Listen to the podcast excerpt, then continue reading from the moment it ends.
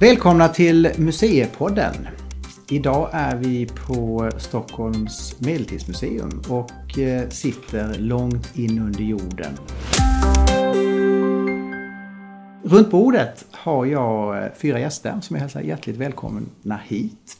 Det är Tina Karlsson från Friluftsmuseet Gamla Linköping och Tina är chef där. Ja. Eh, Jag har också Björn Varenius som är chef på Sjöfartsmuseet Akvariet i Göteborg. Välkommen Björn! Jag tackar.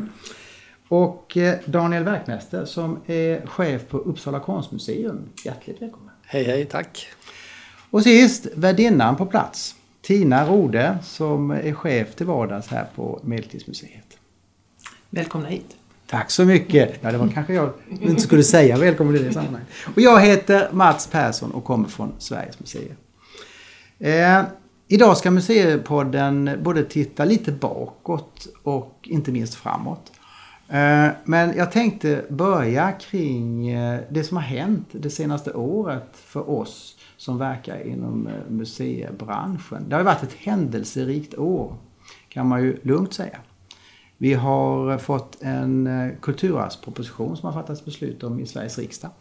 Som innebär att många utav våra medlemsmuseer nu omfattas av museilagen. Eh, men vi har också känt att själva museifrågan har varit i fokus i debatten väldigt mycket. Museer berör. Och eh, nu de allra på eh, sistone så har vi också haft en rätt så intensiv diskussion kring den så kallade metoo-kampanjen. Och jag antar att ni alla på ett eller annat sätt har varit påverkade av detta.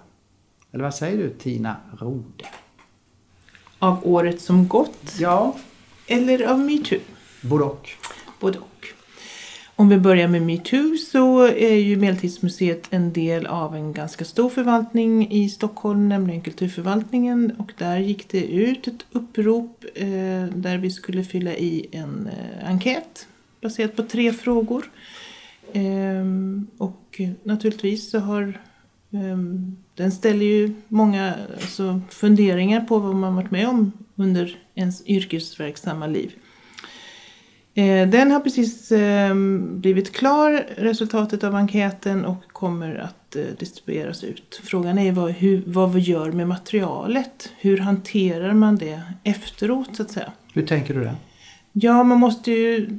eh, Det måste ju verkligen tas på allvar. Det måste ju kunna härbärgeras någonstans och, och hur går vi vidare? Och händer, händer det någonting nytt så måste vi också kunna ta hand om det. Mm.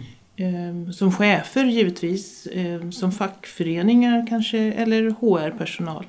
Men någonstans måste resultatet eller händelserna eh, tas om hand.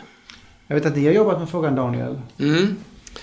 Precis. eh, Vi, eh, det fanns ju inom vår bransch, konstbranschen, ett upprop som heter Konstnärlig frihet som aktualiserades hos oss och då gick, ställdes frågan om huruvida vi som institution också skulle ta ställning till det uppropet. Var det lätt att ta ställning? Ja, i sak var det väldigt lätt för mig som person. Eh, Däremot var jag tvungen att fundera på hur, hur vi kunde göra det som en kommunal institution. Men det visade sig att det kunde vi ändå göra, så det gjorde vi. Och eh, vi ställde oss via vår hemsida och Facebook ställde oss bakom det här uppropet.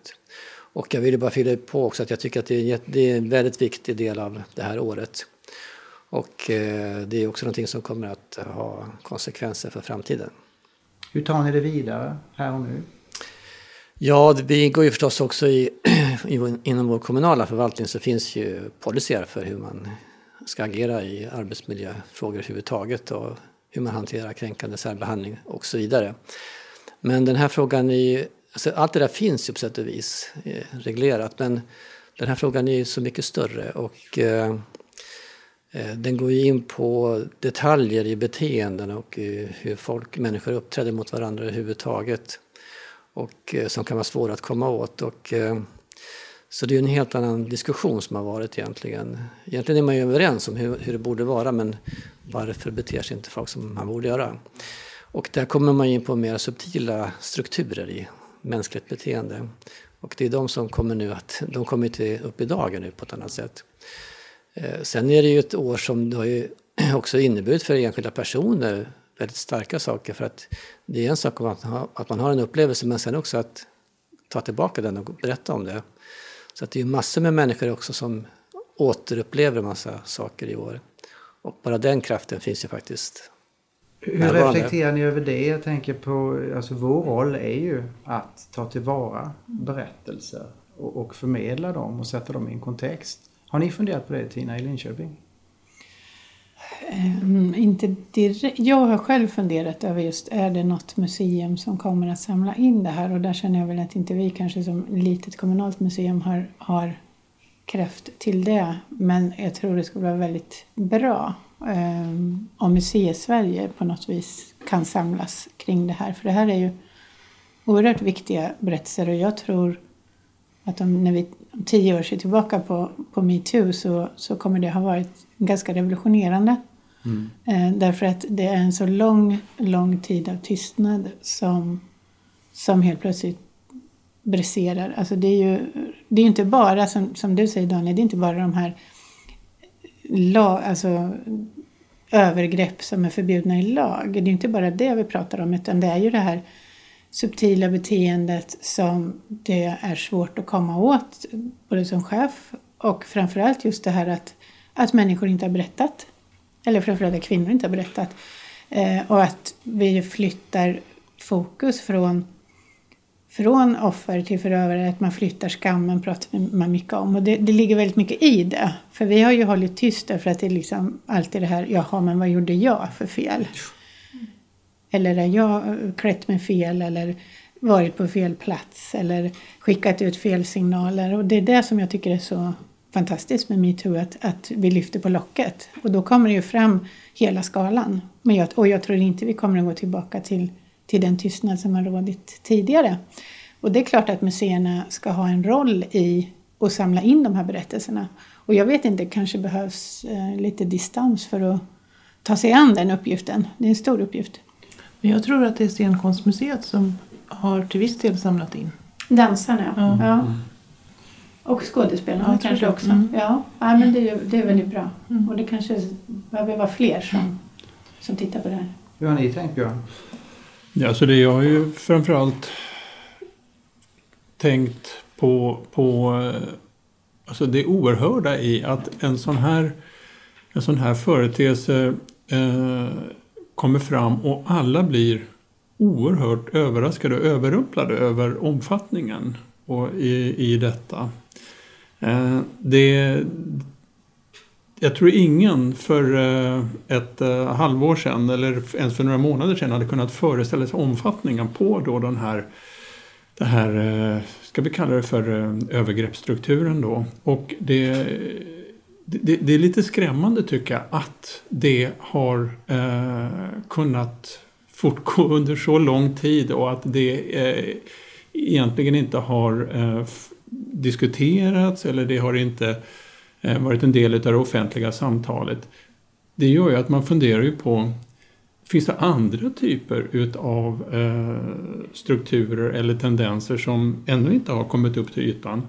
Eh, det, det, det, kan ju mycket väl vara på det viset. Men det här är ju en ögonöppnare och det visar ju att det, man måste ständigt eh, ompröva, ransaka både sig själv och sitt eget beteende och det man, eh, den miljö som man är en del utav.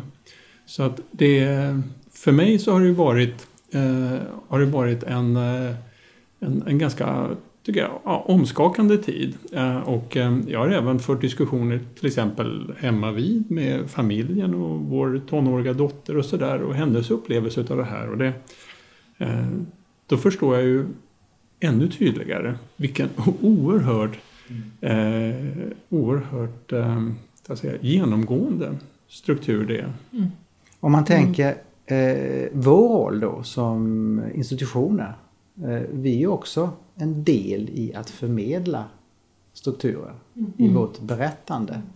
Eh, känner ni att, att, eh, jag tänker att här måste ju vi själva också rannsaka oss och faktiskt, vilka perspektiv har vi? Eh, mm. Hur, hur, agerar vi? För vi är ju en, en faktor i, när vi förmedlar kunskap och perspektiv. Hur tänker du Daniel? jag tänker att det är vår roll att förmedla men det är också vår roll att problematisera och eh, vrida och vända på frågeställningar och få skapa nya perspektiv. För att jag, eh, den här tystnadskultur som det har pratats om, den, det begreppet eh, eh, står ju i relation till Eh, problematiken just här i, den makt, i de maktstrukturer som har varit, eller som är, där detta har skett. Och då har ju tystnaden har ju varit vertikal så att säga, alltså mellan under och eh, ovanifrån perspektiv. Men det har nog pratats ganska mycket i sidled så att säga, så att man vet, det har inte varit helt tyst där. Så många har ju känt till saker i sidled men det har inte nått upp så att säga till den maktnivå ovanför som också har varit då kanske grunden för att kunna utöva med övergreppen också. Så att det, jag tycker att tystnadskultur eh, är också inte ett helt enkelt begrepp som också kan problematiseras. Men det är som sagt vår, våra, vår roll som museer är ju också, är ju också att eh, dels eh, samla kunskap men också att problematisera kunskap och eh, föra ut den och eh, få nya så att säga, infallsvinklar på det hela. Och det här accentueras ju i eh, den nya museilag som eh, träder i kraft den 1 augusti. Som ju talar om vårt ansvar som kunskapsinstitutioner. Att främja fri åsiktsbildning, att bygga vår verksamhet och det vi förmedlar på kunskap och fakta. Eh, så att eh, rollen är ju där, det är bara frågan hur vi ska eh, ta, ta hand om det. Eller hur Tina? Absolut är det så. Och eh, det gäller ju någonstans att redan på arbetsplatsen skapa ett öppet klimat där man kan lyfta högt och lågt. För det avspeglas ju också i utställningar på något vis. Det gäller ju hela tiden att få en nyanserad bild eh, av det som vi ska gestalta, skildra. Och sen har vi ju pratat runt det här bordet tidigare idag om den här med fakta och kunskap. Och vad är det nu när allting kan vara fakta? Eller är det lögn eller är det sant? Och där har ju vi ett otroligt stort ansvar som de kunskapsinstitutioner vi är. Och man ska inte glömma bort heller att, att eh, museerna har ju en väldigt stor tillit vi invånarna i Sverige har en väldigt stor tillit till de svenska museerna. Vår legitimitet är hög. Och på något vis tycker jag det kvitteras i att vi nu också har en lag som styr vår verksamhet. Eh, och allt det här ger ju oss både krav, förväntningar och möjligheter inför framtiden och de, de utmaningar som vi står inför. Det är väl det här med den berömda faktaresistensen, eller vad man nu kallar det, en av utmaningarna. Men också att, att ta det här på allvar och eh, hantera det. Eh, och frågan är ju, vad, vad, känner ni inför de här alltså, framtidsutmaningarna som svenska museer står inför?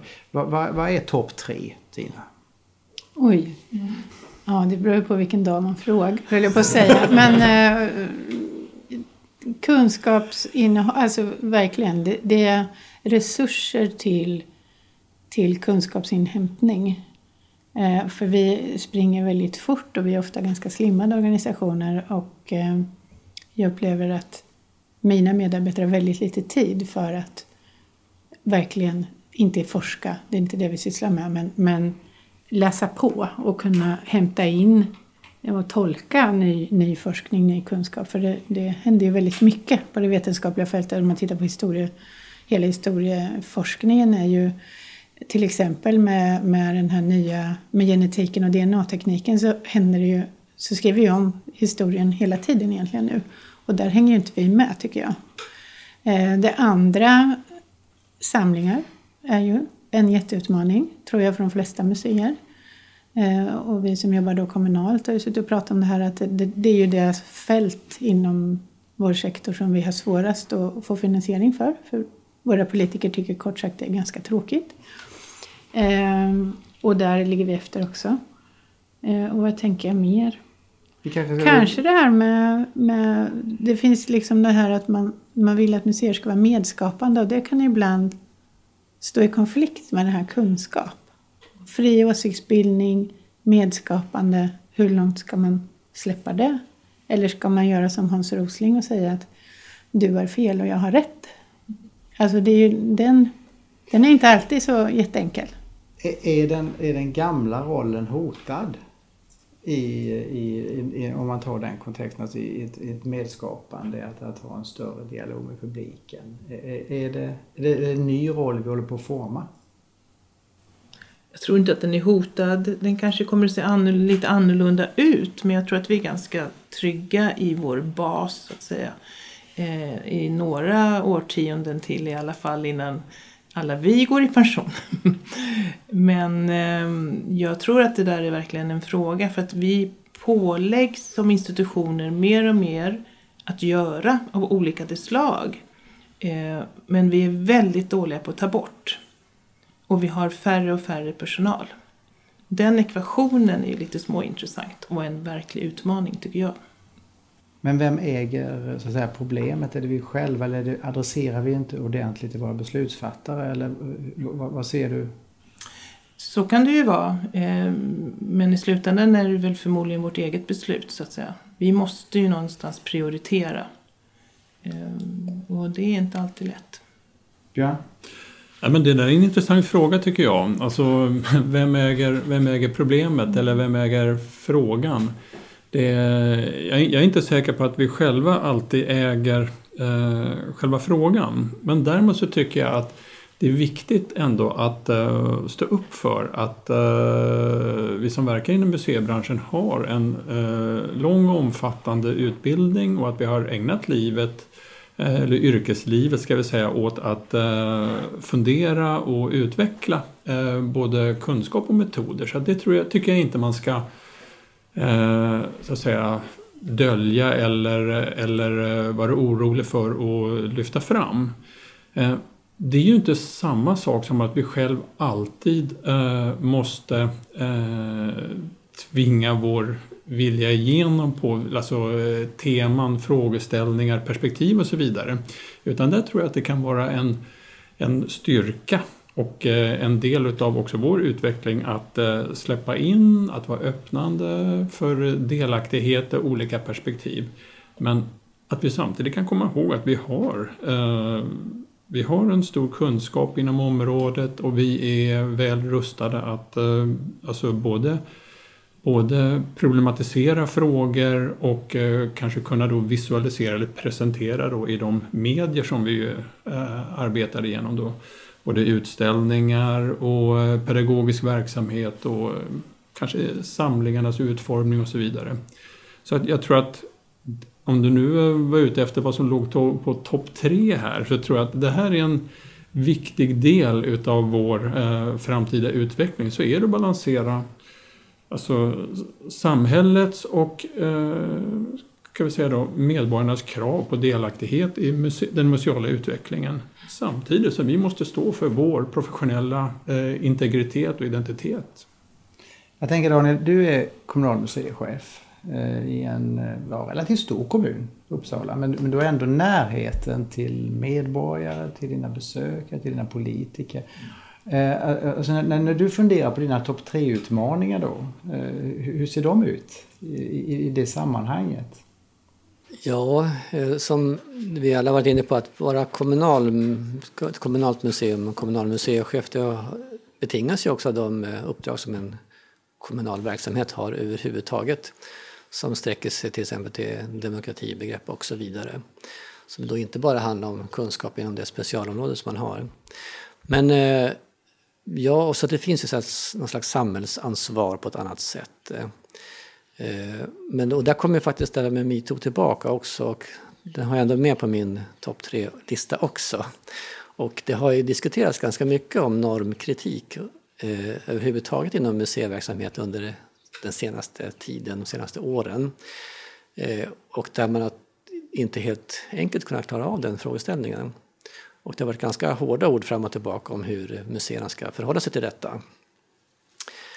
Men min, min, eh, vad jag tror är att detta kommer att landa i någon slags självklarhet i en, ett normkritiskt förhållande till både den museala verksamheten i sig men också i eh, förhållande till omgivningen.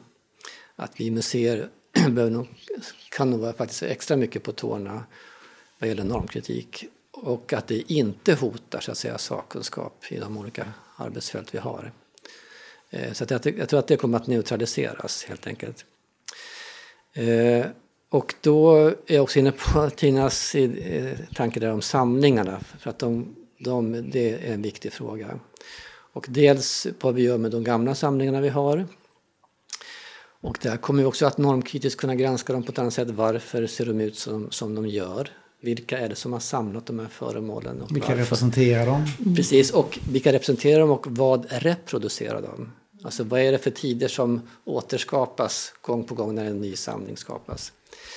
Eh, och också föra över det också till vad vi samlar nu. Och eh, eh där tycker jag man famlar lite grann överhuvudtaget, eller vi inom museibranschen, vad är det vi samlar för någonting? Så det kommer nog att behövas funderas på både fram och tillbaka. Dels vad vi gör med det gamla men hur, även hur vi samlar framåt. Eh, sen tror jag jätteviktigt är digitalisering och det är inget nytt utan eh, det gäller all verksamhet överhuvudtaget i vårt samhälle. Men det kommer ju gälla oss förstås också. Och då handlar det inte bara om vilka digitaliseringssystem vi ska för våra samlingar och så vidare. Utan väldigt mycket hur vi ska interagera med våra besökare via nät och så vidare. Eh, hur ska vi vara verksamma i det rummet? Och det är faktiskt en demokratifråga också. För att det, den museiverksamhet... Jag menar, går man in på Google Maps och letar efter symbolen för museum då är det, ser man fasaden på ett grekiskt tempel. Så att det, där någonstans fick jag också en reproducerad bild av vad ett museum är. Eh, och den bilden måste vi jobba med och det kan vi göra faktiskt i, via plattor och datorer och så vidare. Och hur ska vi vara närvarande i det rummet? Det tror jag är jätte, en jätteutmaning för oss. Lyssnar jag på er så, så, så hör jag att eh, det handlar väldigt mycket om att göra framtida rätt tuffa prioriteringar. Mm. Och eh, jag antar att inte minst ni som kommunala företrädare känner av detta med, med mellanrum. Nu har vi museilag som också ställer krav på oss, skapar frihet. Att inte glömma. Armlängds avståndsbegreppet ger ju också frihet. Det ger i, i val av utställning, val av i, konst, men också i samlingsbegreppet. Eh, är ni rustade för att ta det ansvaret? Tina? Oj. ja. Känner ingen press. Nej. Ja, det får vi väl tro att vi är. Eh, vi har väl alltså armlängds avstånd till politiken. Det tycker jag nog att vi har haft. Om man bortser från att man faktiskt är väldigt styrd rent budgetmässigt. Eh, men vi har ju en frihet inom ramen i alla fall. Eh, vad som jag tänker är ju intressant med vilka som, eller hur våra museer ska se ut i framtiden är ju en sak. Men vilka ska jobba där?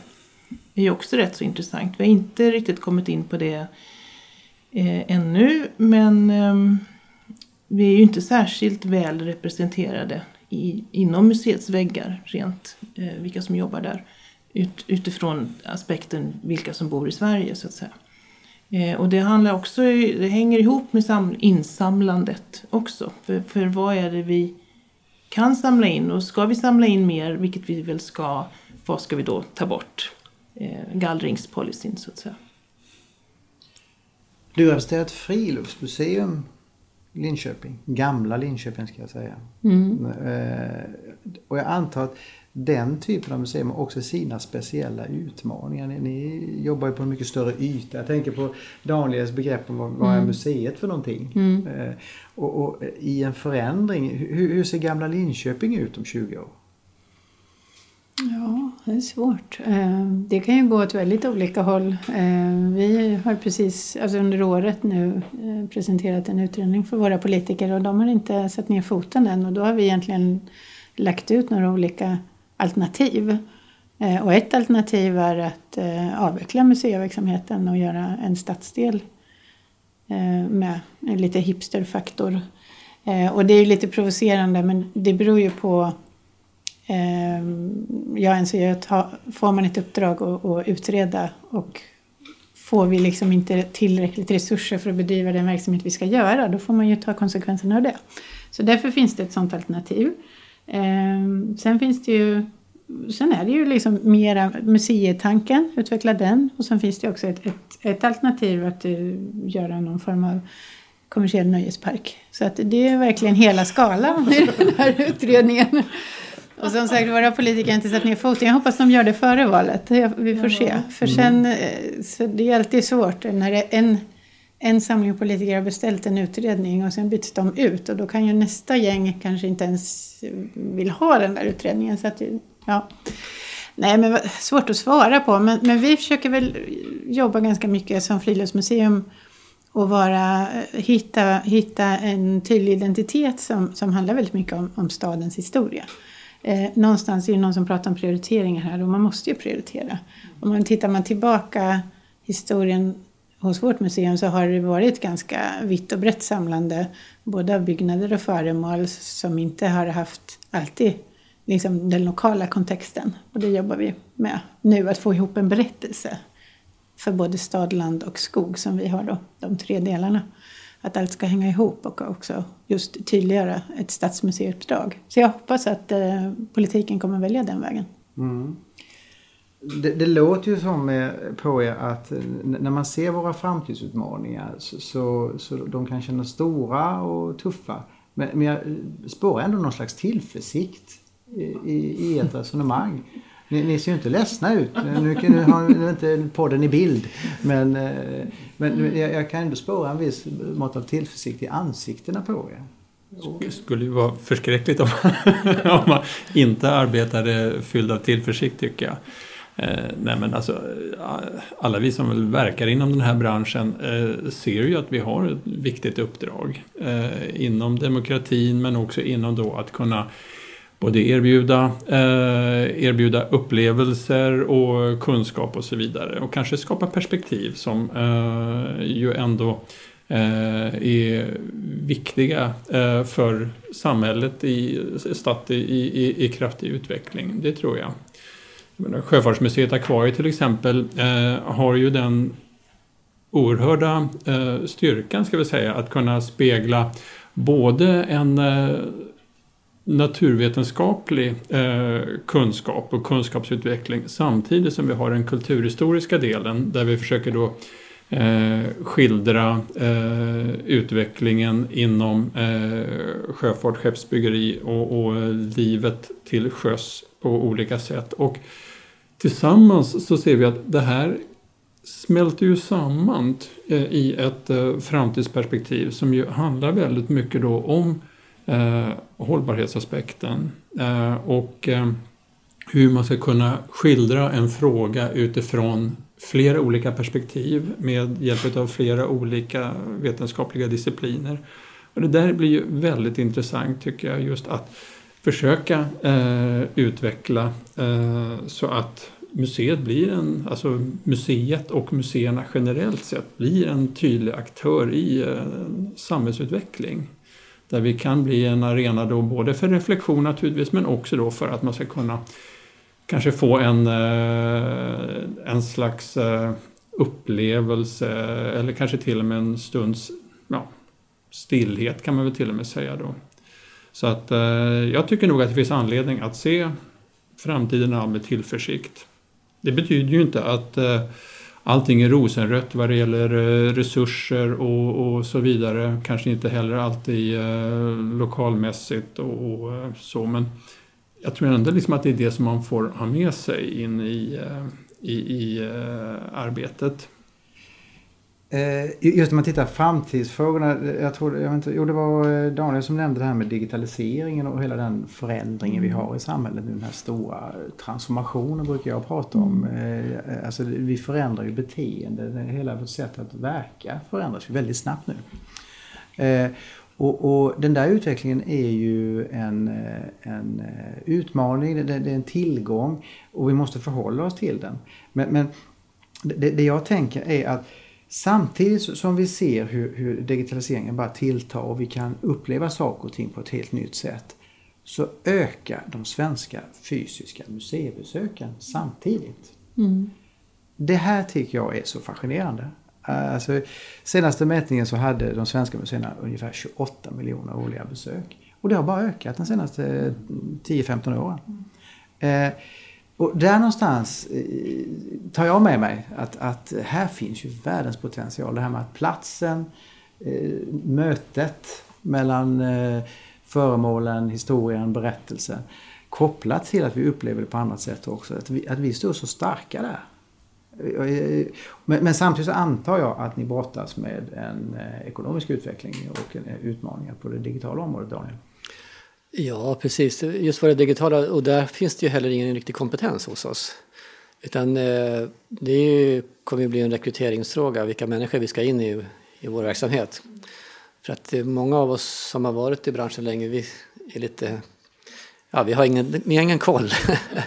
Så att där behöver vi få in nya människor och då kommer det uppstå en, en, en friktion i likhet med det här med normkritik, att eh, man kommer att anklaga de här personerna för att de inte har de rätta kunskaperna när de kommer med sina spelidéer och någonting.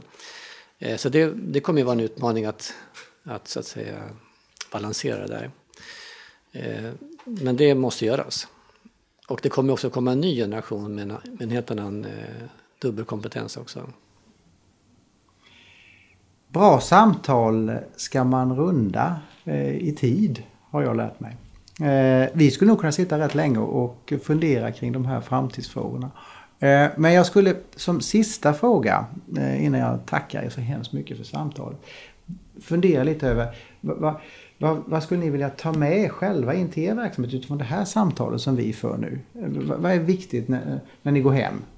Nu ska vi splittras här och ni ska åka hem om en liten stund. Eh, ja, Tina Rode stannar kvar för hoppas jag för, för sin.